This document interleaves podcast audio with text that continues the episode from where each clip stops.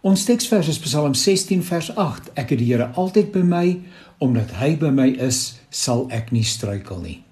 Wat 'n merkwaardige en wonderlike stuk getuienis en sekuriteit uit die woord van die Here, uit die hart van God. Dit is onverwendbaar dat tye in 'n mens se lewe kom waar jy alleen is. Ons is op mekaar aangewese en veral die mense naaste aan ons vorm deel van ons ondersteuningsbasis. En ek hou nie baie daarvan om alleen te wees nie en voel sommer gou asof die hele wêreld van my vergeet het. Miskien kan jy met my daarin identifiseer. Maar dit is tog belangrik om tyd op sy te sit om alleen saam met die Here te wees. Dit is 'n enorme stuk waarheid dat selfs al is daar niemand rondom jou nie, daar iemand binne in jou is, iemand wat jou nooit sal begewe en verlaat nie, wat elke enkele tree saam met jou loop, wat nader aan jou is as jou eie asemhaling. Hy word genoem Immanuel, God met ons. Miskien reken ons nie altyd met hierdie werklikheid nie. God drie-enig woon hier binne in my. Ek is 'n tempel van die Heilige Gees. Die waarheid dat die Here in my woon is 'n misterie wat nie verduidelik of beskryf kan word nie. Ek weet net dit is so. Jesus het dit gesê, ek en my Vader sal by jou kom woning maak. Dit is wonderlik om te besef dat ons nie ons gebede hemelwaarts hoef te neig nie. Ja, ons bid ons Vader wat in die hemel is, maar dit beteken nie dat hy ver van ons verwyder is nie.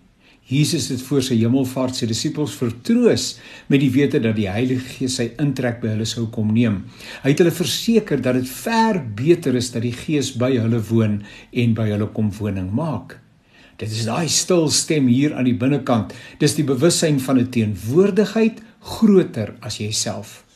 God self is ons gespreksgenoot. Hy raak nooit moeg vir ons nie. Hy luister na ons en hy gee om. As ons fyn luister, sal ons kan hoor hoe dit wat hy hoe dit hy vir ons leiding gee wanneer ons daarom bid. Om die stem van die Here te erken en te herken, neem oefening.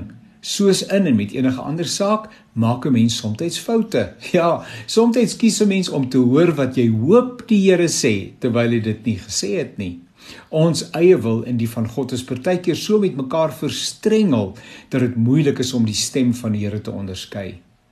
Somstyds sê die Here ja, somstyds nee. Ander kere sê hy nie nou nie.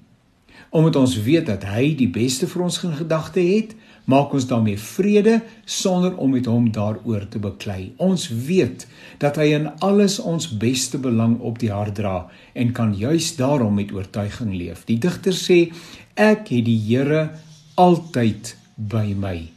Wat 'n wonderlike getuienis. Leef vandag en elke dag vanuit hierdie werklikheid.